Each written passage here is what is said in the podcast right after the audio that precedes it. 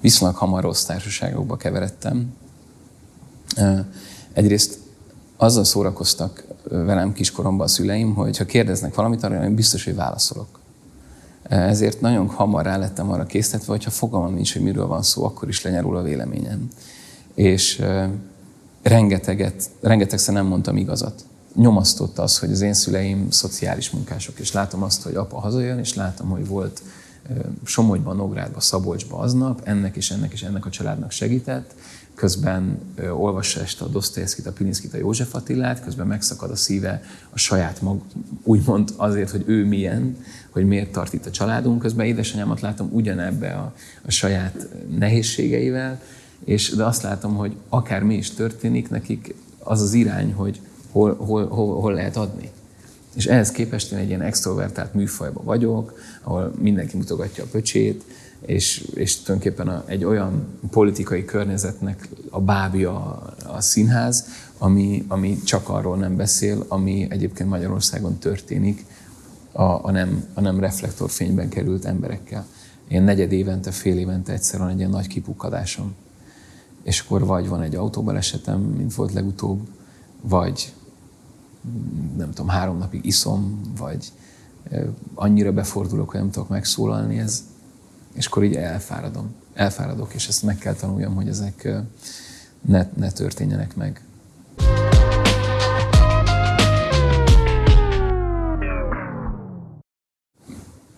Én egy keresztény családban születtem bele. Hatan vagyunk tesók. A bátyám ő egy örökbefogadott cigányfiú. Utána én jövök, én vagyok az első édestesó, és akkor utána még jön három lány és egy fiú. Mindenkinek van saját különleges beceneve, és saját különleges élete és lelki világa. Nagyon, nagyon vicces az egész csapat. Iszonyatosan szeretem őket. Abszolút origó az életemben. A szüleim is hittanon jöttek össze, és tulajdonképpen arra nevelték őket is, hogy fiatalkoruktól kezdve nagy családjuk legyen, keresztény családjuk legyen. Ezért tulajdonképpen a, a hit nálunk az önismeret előtt volt egészen sokáig. Mm, a Miklós utcai hajléktalan szállón töltöttük az időnk nagy részét, mert annak volt a vezetője édesapám, és annak az emeletén volt egy gimnázium. Nem is tud, pontosan tudom, hogy milyen, de egy ilyen felzárkóztató gimnázium-szerűség. És, és ott tanított anyu is, meg apu is. Tehát én emlékszem arra, hogy mint a osztályfőnöki pad mellett ott játszottam, ha unatkoztam, akkor lementem tévét nézni a hajléktalanokkal, ettem, nagyon szeretem a párizsis kenyeret, amit ők kapnak, rengeteget tőlük tanultam meg sakkozni. Tehát akkor az, hogy nem voltunk annyira jó anyagi kondíciókban, de nem, nem éheztünk meg semmi ilyesmi, csak egy, ez egyáltalán nem volt prióra a családban. Hát az volt rossz, hogy reggel kilenckor el kellett menni vasárnaponként minisztrálni, miközben ment a Pokémon meg a Dragon Ball a tévébe. De ez egy szép gyerekkor volt és nagyon szabad. 11 éves voltam, amikor elkezdtek válni, és ők nagyon, nagyon csúnyán váltak. Ez nyilván ebben benne volt az ő szégyenük, a tehetetlenségük, azt, hogy ők ezt nem akarják, és akkor az egész életem megváltozott. 11 éves koromtól 18 év, 17 éves koromig, amikor felvettek a színműre. És nekem ez egy nagyon hosszú időszak volt, hogy amit akkor átéltem általuk, meg a tesókkal együtt, az, az mi a szerepe ennek az én életemben, és hova helyezem. És most vagyok 30 éves, és most érkeztem meg ebbe. Most értem ezt, és most szeretem mindkettőjüket nagyon-nagyon, és most állt össze, hogy mi, mi ez. De ugyanakkor az én életem az, az annak a része lesz ezek az évek mindig. Például egyáltalán nem tudok konfrontálódni, nulla szinten. Tehát olyan, olyan ki vagy, annyira ki vagyok érezve a feszültségre és a feszültségkeltésre, hogy az egész személyiségem megváltozik tőle, és, és el, eltűnik. Szerintem mindent meg lehet beszélni. El lehet jutni ától ezen a hangon. Ezek lehetnek eszméletlen mély sztorik, és borzasztó fájdalmas történetek, sőt nekem nagyon komoly igényem is van arra, hogy amennyire lehet ott legyünk, ahol a lényeg zajlik, vagy igyekszem így élni az életemet, és így, így ide tenni a párbeszédeimet. De amikor ez megemelődik a hangnem, vagy, vagy, vagy elcsúszik a kommunikáció, vagy, vagy dühjön, vagy harag, vagy megváltoznak a szemek, akkor én először nagyon leblokkolok, és aztán én is megváltozom tőle. És tudom, hogy én ezt hordozni fogom az egész életemben. Én jó gyereknek indultam, meg jó eszű gyereknek indultam, de aztán viszonylag hamar rossz társaságokba keveredtem. Egyrészt azzal szórakoztak velem kiskoromban a szüleim, hogy is, hogy ha kérdeznek valamit, arra én biztos, hogy válaszolok. Ezért nagyon hamar rá lettem arra késztetve, hogy ha fogalmam nincs, hogy miről van szó, akkor is lenyerul a véleményem. És rengeteget, rengetegszer nem mondtam igazat. Tehát így reflexből szerettem volna mondani olyanokat, hogy azért jöttem haza korábban, mert egy medve az iskolából hazáig kergetett. És ez nagyon, ez nagyon sokáig tartott. Még, még 20 pár éves koromban is voltak olyan szituációk, már rég a színműre jártam, amikor teljesen fölöslegesen nem mondtam igazat. És nem is tűnt fel ez. És akkor egyszer csak volt ebben egy ilyen nagy, nagy törés, amikor ki, ki kellett nőni ebből a meséből, ami, ami én voltam, és ez az, szinte az egész személyiségemnek sok aspektusára igaz volt. És, és aztán rosszabb társaságba keveredtem ilyen kamaszkoromban, tehát az én első kamasz ügyek, mint a alkohol és egyéb más dolgok, azok nekem nagyon hamar megtörténtek az életemben. De mindig jó szándékú és önzetlen is voltam egyúttal. Ezt, én ezt így, így éltem meg, és remélem ez így is igaz. Nekem voltak nagyon komoly mélypontjaim az életben, és mind külső hatás miatt, és mind maga miatt, amiért magamat okolhatom, és az én személyiségemből következett. És, és valahogy a mélypontokon, aki kap valami hitbéli, hitbéli nevelést, kvázi van mellett egy párhuzamos dimenzió, akkor ezen a mélypontokon nagyon közel kerül a jó Istennek nevezett intézményhez. És én nem, tehát azért beszélek ennyit a hitről, mert én nem tudom elképzelni nélkül az életemet. Nem tudom elképzelni másik dimenzió nélkül az életemet. És, és ez kétszínűnek tűnik, mert ez olybá teszi az embert, hogy ő, ő mindig jót cselekszik, a Krisztusi életet viszi maga előtt, de közben pedig nagyon nincs így. Mert annyi bénázásom van, hogy nem lenne elég az egész nap, hogy felsoroljam, de közben tudom, hogy van egy út, ami, ami meg van mutatva, és, és lehet rajta járni, és ez nekem, nekem fontos. És még azért beszélek ennyit, mert számomra a színház is értelmezhetetlen a másik dimenzió nélkül. Tehát, és itt most már egyre inkább beszélnek komplexebb művészetekről, tehát a zene sem, a festészet sem, a szobrászat sem, semmilyen művészet nem értelmezhető számomra a másik dimenzió nélkül. Pontosan tudom, hogy vannak a művészetnek olyan irányai, amik ezt nélkülözik, és materialisták, és erre a, a világra vonatkoznak, vagy politikával telítettek, szükségszerűen, természetükből, vagy azon természetükből fakadóan, de amiben, amiben én hiszek, az egy, ez egy lehetősége egy, egy meg, megidézésnek, úgymond. És ezt nem azt mondom, hogy, hogy, hogy Istent idézzük meg, hanem egy olyan, egy olyan állapotba lehet kerülni, és egy olyan állapotról lehet beszélni, szerintem, ami valóban a lényeg. Hogy, hogy említettem, hogy számomra a művészet és a, a hit nem igazán tud ketté válni.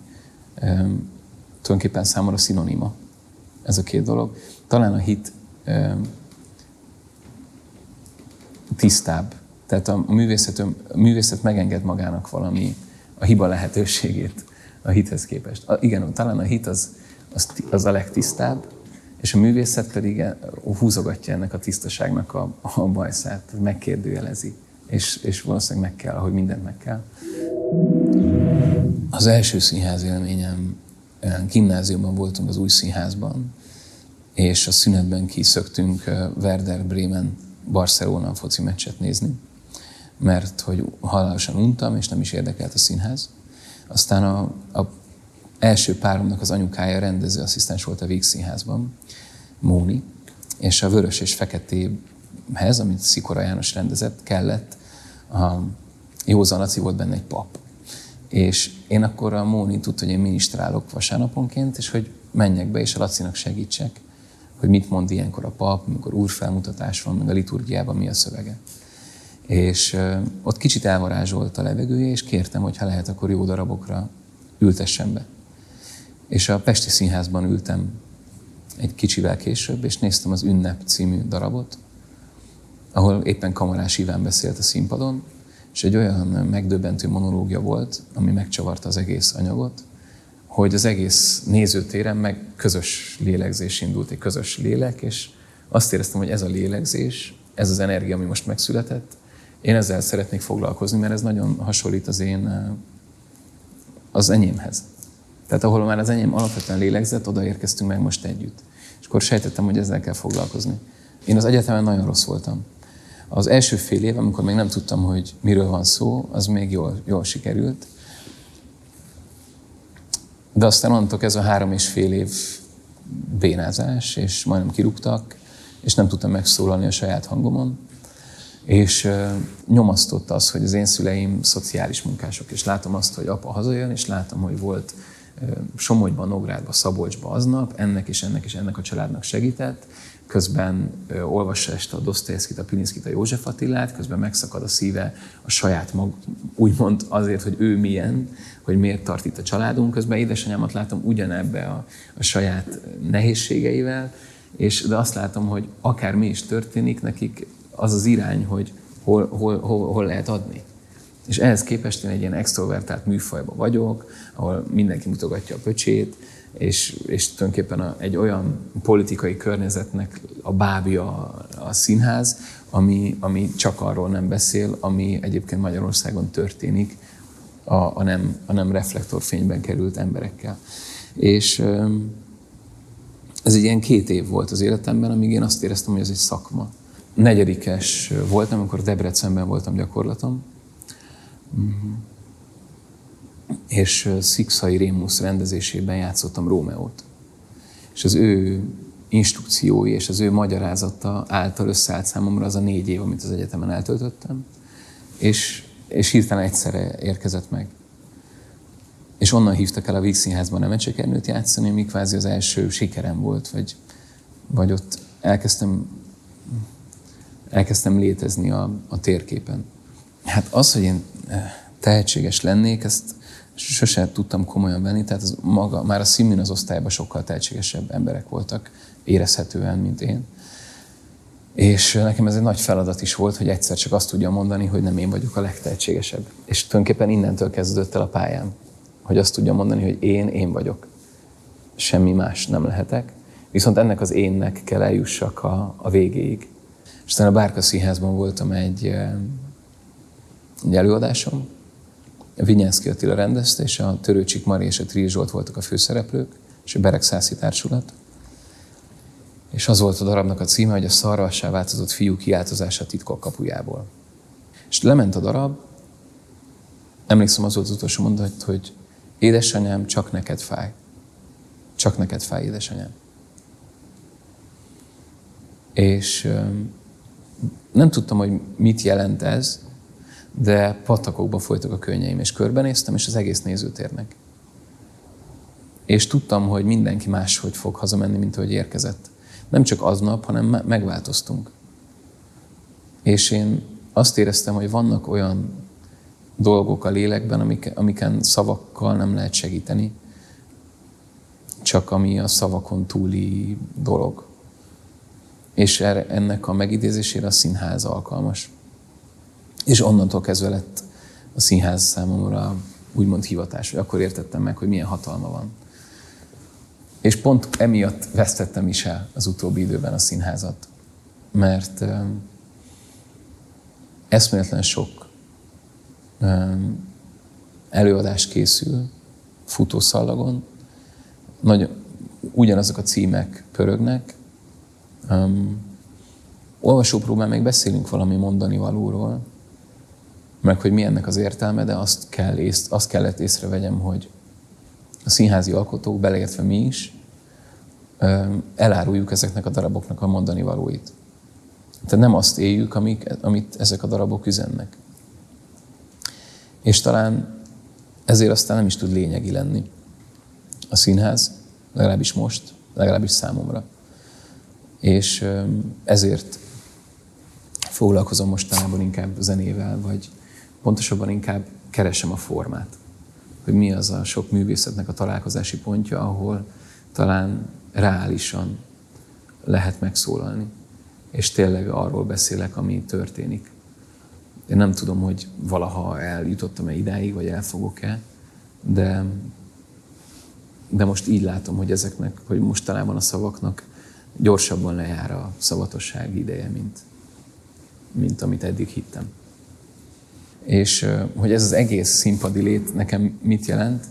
Hát, hát ezt egy ilyen vallomást. Egy vallomást, hogy olyan, olyas, mint egy gyónás. Tehát József Attila, hogy megmutatni egy embert a bűnein keresztül. Az, hogy Judit nyakához szorítja a kést, az, hogy a vágómártáról letépi a kabátot, azt, hogy, hogy a gyömrői Edittel mit csinált. És, és a darab legvégén azt mondani, hogy voltam én hiába. Megállapíthatom magam. Hogy körbeír az ő 32 évig tartó élete, és azt, azt üzenni vele, nem az, hogy fel kell menteni az embert a bűnei alól, hanem az, hogy mindenki jön valahonnan, és mindenki valamit valamiért csinál. És egyszerűen valahol feladatunk az, hogy kezet nyújtsunk, még a, az, főleg azoknak, akiket, akiktől mindenki elfordul. És mindenki leköp, és nem divatos megfogni a kezét, mondjuk úgy. Kisebbségi komplexus talán nem volt bennem, mm, sőt fájdalom sem, csak ha látsz jókat, akkor te is olyan szeretnél lenni. És nem veszed észre magadat. Tehát ne, addig nehéz eljutni, hogy azt mondjad, hogy én, én vagyok, és nem lehetek más. És akkor kezdjünk el beszélgetni ezzel az énnel. Nézzük, bemerem-e vallani azt, hogy én ez vagyok, ez vagyok, és sajnos még ez is én vagyok. És ezzel mit tudok kezdeni? És ki az, aki ellene, ennek ellenére mellette marad? Hogy én mit élvezek a színpadban? Hát nem mondanám, hogy az élvezet miatt csinálom, hanem mert van, amikor, van, amikor az élet csak úgy folyik, de van, amikor történik, amikor van. Nekem a színpad ezt jelenti, hogy egy, egy hely, ami kicsit egy szakrális hely, ahol, ahol tényleg meg lehet érkezni, és akkor lehet tudni, hogy az az idő ott tényleg történik. És akik ezt látják, akik együtt vagyunk, ezt együtt éljük meg. És nem innentől kezdve számomra nem az történik, hogy én előadok, és ők nézik, hanem én rám van bízva az a feladat, hogy, hogy lépjünk, lépjünk be ezen a, ezen a kapun. És nem a tényekről beszélünk, hanem ami, hanem ami való, valós. És ha ez megtörténik, mert ez nem történik meg minden este, ez a lutri része, akkor, akkor, akkor egyértelműen tudod, hogy ez a feladat, ezt kell csinálni, mert másnak nincs értelme. Mennyi, mekkora rohadt nagy különbség van két szeretlek között. De általában tudod. És aztán le lehet tagadni. De tudod, hogy melyik a szeretlek és melyik a szeretlek. Én, ilyen szempontból engem a, a színház az visszatanított az életbe. Tehát mindenki azt hiszi, hogy a színészek játszanak. Miközben, hogyha jól csinálod, akkor te játszol legkevésbé. Olyan, olyan sokat beszélünk a politikáról, olyan hihetetlenül sokat, megkerülhetetlenné vált, persze valamilyen szinten az is. De hogyha megnézzük a, a mai magyar politika színvonalát, hogy egyáltalán nem ér fel a magyar irodalomhoz. Hát összesen lehet hasonlítani. Tehát olyan, olyan dolgokat hozunk egy polcra, ami, ami teljesen érdemtelen. Én azt érzem, hogy olyan országban élek, ahol, ahol minden ketté van szakadva, és interneten való üzengetésekből szól a közélet. És olyan sokan olvassák ezeket, és látják, hogy mindenki azt hiszi, hogy erről szól már a mi országunk. Miközben, hogyha oda kerülsz egy asztalhoz bárkivel, akkor egy jót tudtok beszélgetni. Én, én még szinte nem, nem, nem álltam föl úgy asztaltól valaki, hogy ne öleltük volna meg egymást, és azt mondjuk, hogy értelek, innen folytatjuk. jó, jó, hogy ez, ez kiderült, és ezt megbeszéltük. És hát az én titulusom az, az ez lenne, hogy olyan, olyan anyagokat létrehozni, ami ezeket az asztalokat meg, megszüli, meg ezeket az öleléseket.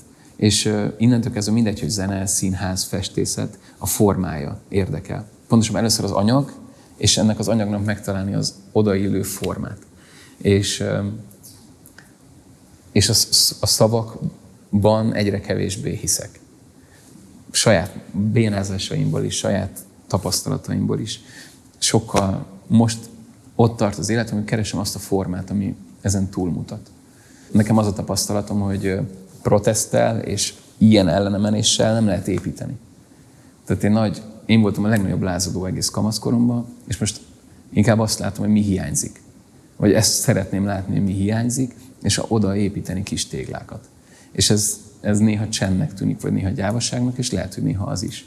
De én, én, én úgymond berendezkedtem erre. A kamera egy, egy nagyon őszinte dolog, és nehéz előtte hazudni. Pontosabban a kamera jobban látja, hogy te ki vagy, mint amit te látsz. Mint egy jó mester. Előrébb tart. És előrébb tart a te önismeretedben. Ezért filmeken főleg olyan embereket hívnak, aki már létezésével előhívja a karaktert. Tehát amit ő üzen, az ő arca, mondjuk, az, az már maga a karakter. És amit az én arcom üzen, én azt, nekem azt tapasztalom, hogy az nem én vagyok feltétlen. Tehát önmagában mondjuk egy fotó rólam, az, az engem nem ír, nem ír le talán, vagy nem, nem azt írja le, amilyen én egyébként vagyok. És azért én egész, egész szerintem nem is nagyon forgattam, vagy amilyen szerepeket kaptam, amiben mindig diszkomfort érzetem volt. Tehát volt ez a Csak Színház és Más Semmi című sorozat, hát én életemben nem éreztem magam olyan rosszul helyzetben, mint akkor. Mert egyetlen egy mondat se volt, amit ki tudtam volna mondani. Természetesen, magamból. És, és én azért meg is fogalmaztam magamnak, hogy én hiszek a színházban, hiszek abban a pár száz emberben, aki összegyűlünk ott, és, és ott ülünk a sötétben, és valamit próbálunk megidézni. És akkor idén volt ez a Semmelweis felkérés, ami életem első olyan szerepe volt, amit nem nekem osztottak volna. Tehát kvázi egy színházi szereposztás történt, hogy az, az, a, az a tragédia, amit ő élt éveken keresztül, amíg elveszítette azokat, akiket a legjobban szeret, ráadásul sejtve, hogy maga miatt, ez találkozott a, a Koltai tanár úr rendező ö, fejében velem.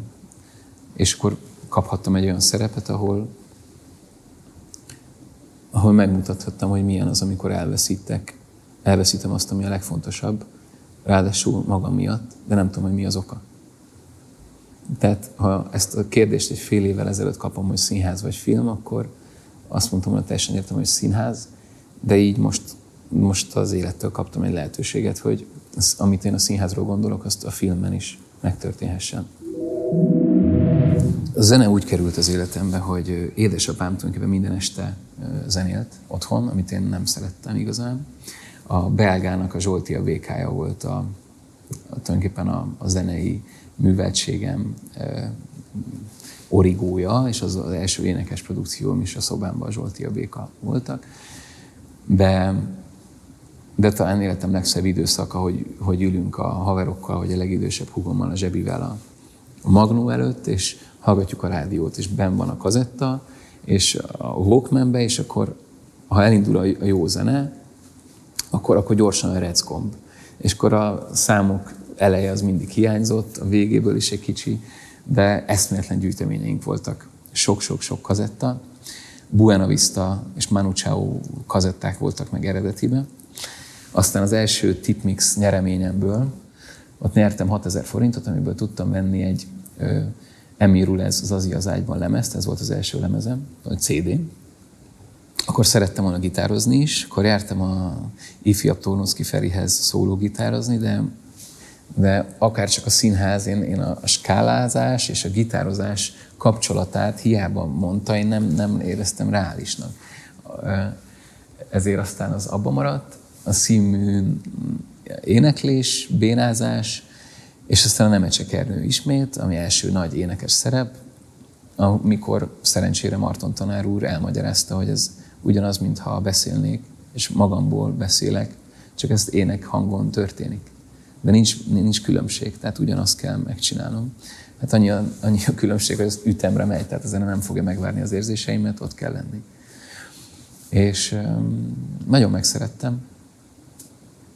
És aztán elhívtak a Trip hajóra egy, egy ilyen rock koncert színházi produkcióba főszereplőnek.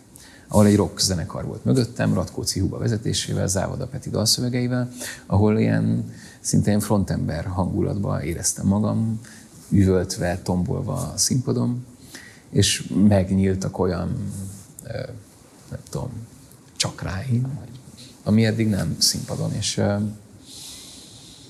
és onnantól kezdve, hogy elkezdtem kicsit csalódni a, a színházi közegben, és a, és, az, és a színdaraboknak a szóközpontúságában, onnantól kezdve um, egyre inkább a felé, a formák felé mentem, hogy keresek olyan zeneszerzőket, meg mondjuk alternatív zenészeket, akiknek mutatok anyagokat, és mondom, figyelj, itt van ez az anyag, bennem nagyon mélyen zúg, ez és ez és ez a zene az, ami nekem eltalálja, és hadd meséljek, hogy nekem mi ez a szöveg, ha zene lenne, milyen lenne, és próbáljuk meg együtt megalkotni.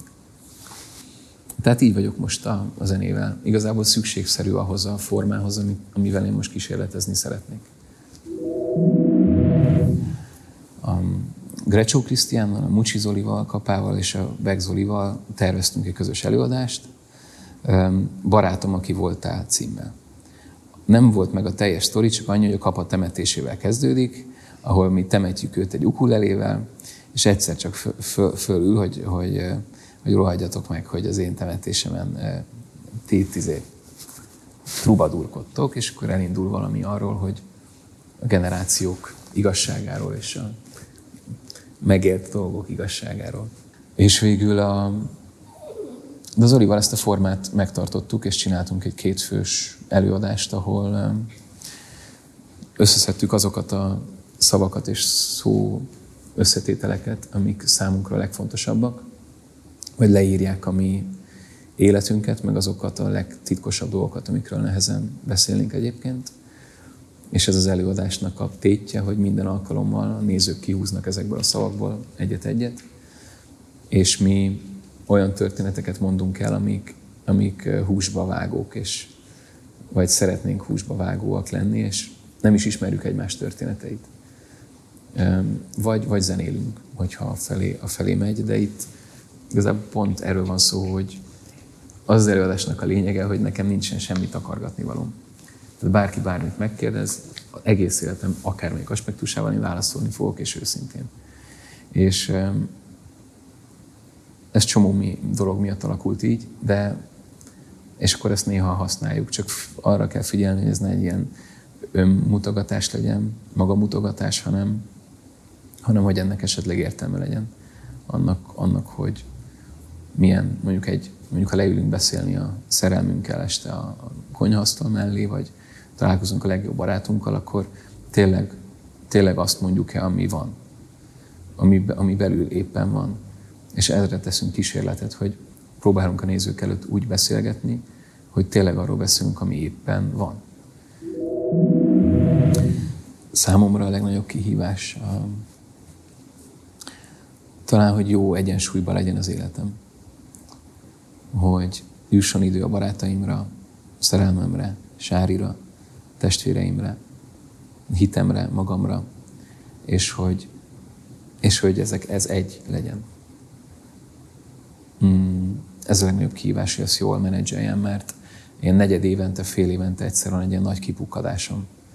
És akkor vagy van egy autóbalesetem, mint volt legutóbb, vagy nem tudom, három napig iszom, vagy annyira befordulok, hogy nem tudok megszólalni, ez, és akkor így elfáradom. Elfáradok, és ezt meg kell tanuljam, hogy ezek ne, ne történjenek meg. De azt hiszem, hogy pont most ilyen 30 éves koromra ez adott. Kamaszkoromtól a 20-as éveim közepéig ez visszatérő érzésem volt, hogy jön a baj. Lefeküdtem a párom mellé, és mondtam, hogy figyelj, jön, jön a baj, tudom, hogy most baj jön. És ez nem azt jelenti, hogy úgy fogok viselkedni valami, hanem tudom, hogy valami törés lesz.